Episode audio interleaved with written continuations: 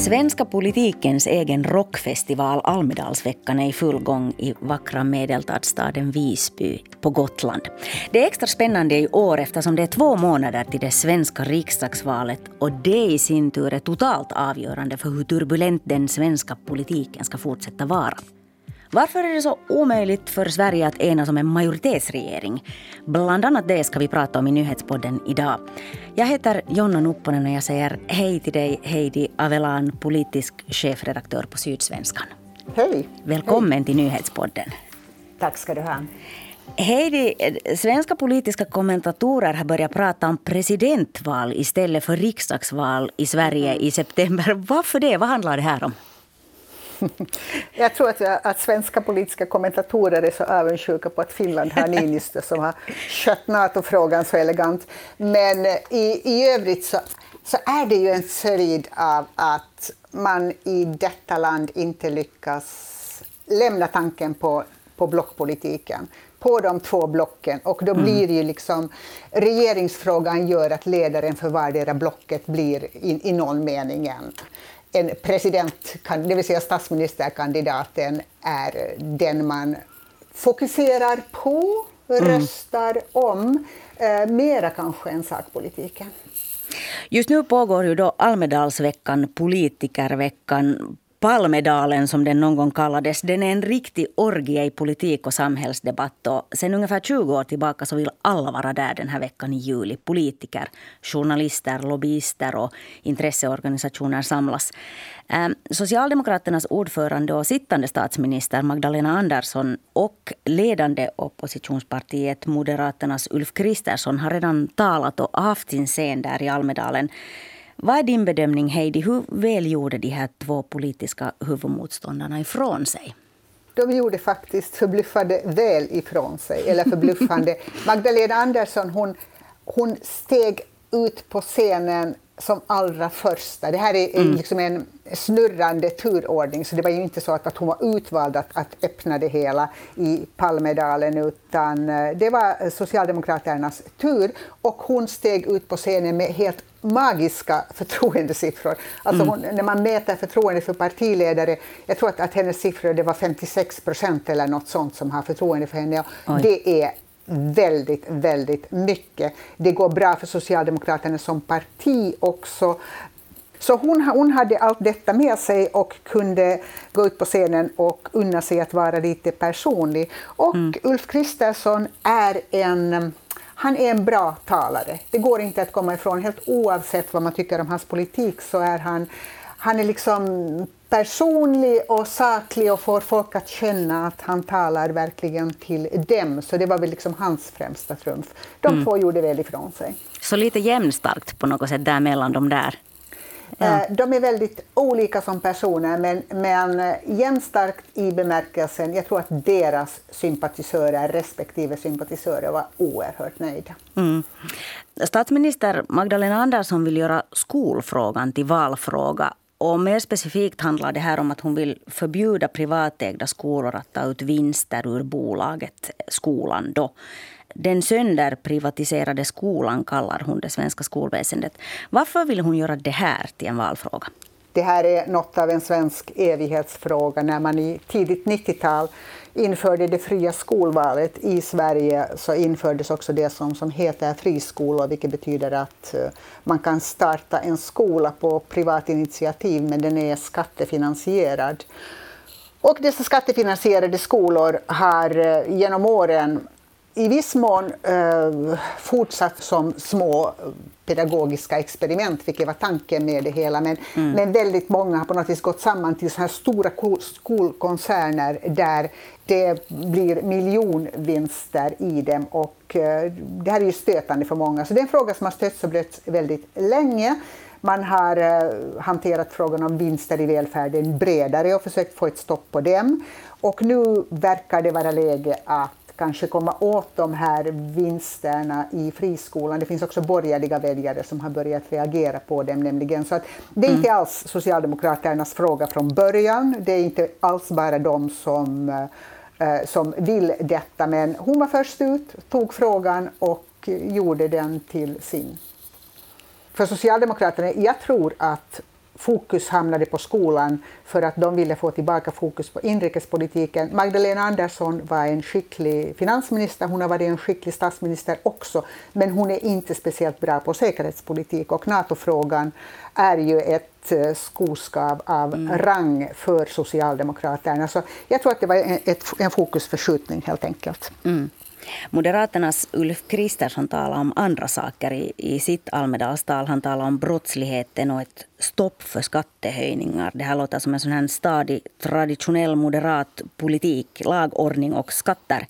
Men vilken är Ulf Kristerssons verkliga hjärtefråga? Att äh, få regera precis som Socialdemokraterna, som vi ska vara helt ärliga. Mm. Nej, men hans stora fokus är ju att kunna ta över regeringsmakten och eh, det är där tyngdpunkten i hans gärning just nu ligger. Mm. Vem av de här två partiledarna skulle du säga har övertag nu när valrörelsen kör igång på allvar? Jag skulle säga att, att som personer så verkar det ju vara Magdalena Andersson med de grymma stödsiffrorna mm. hon har, förtroendesiffrorna.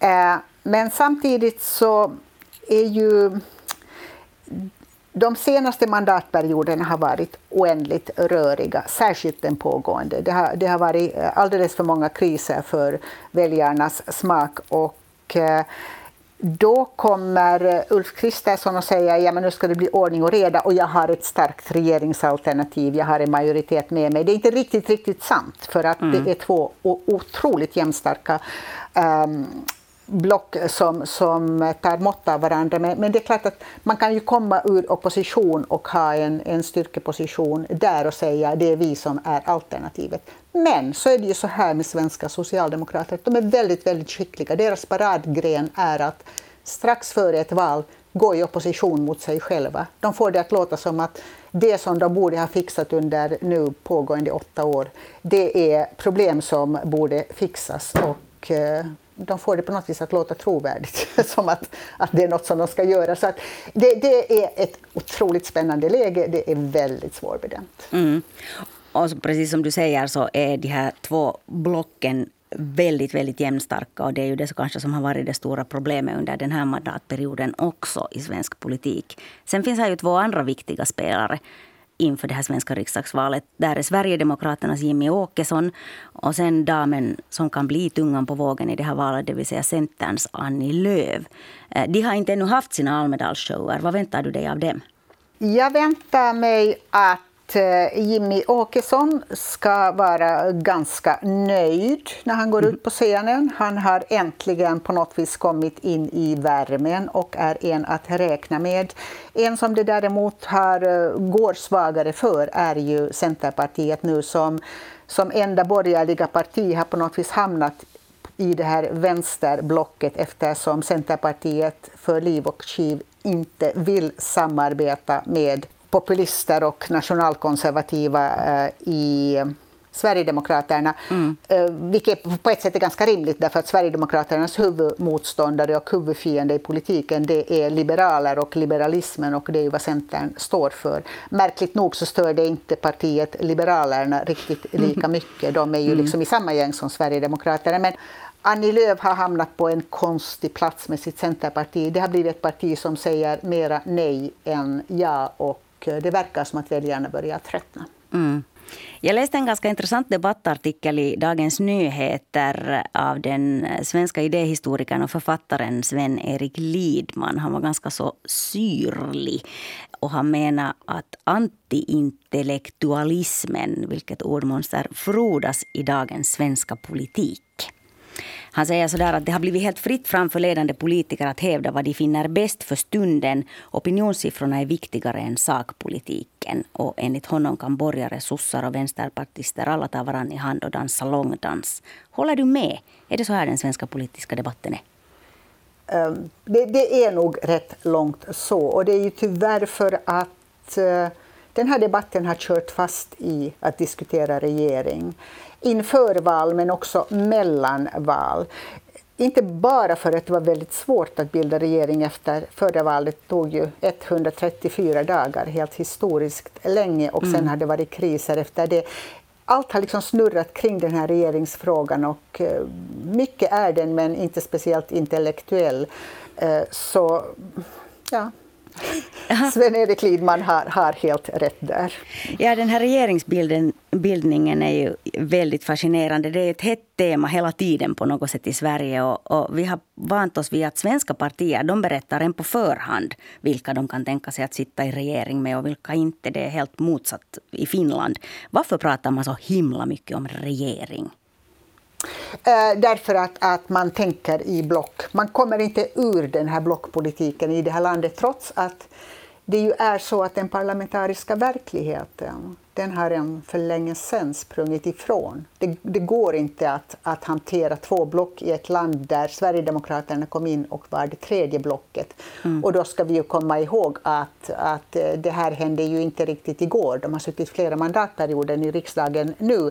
Eh, men det är väl egentligen sedan valet 2014 som det har blivit riktigt jobbigt och sedan 2018 i stort sett omöjligt. Det vill säga, man går med en gammal karta. Den säger två block på något vis så är det svårt att komma upp ur de startblocken helt enkelt. Och då tittar man på Finland och Tyskland ibland och skakar på huvudet och menar att, att de här väldigt breda koalitionerna inte riktigt, eh, att de inte är riktigt demokratiska, att väljarna liksom det blir ingen opposition. Och det, det kan man ju ge, verkligen säga att, att bristen på opposition är ju också ett svaghetstecken i demokratin. Så att eh, eh rumpan är där bak hur man mm. än vänder sig.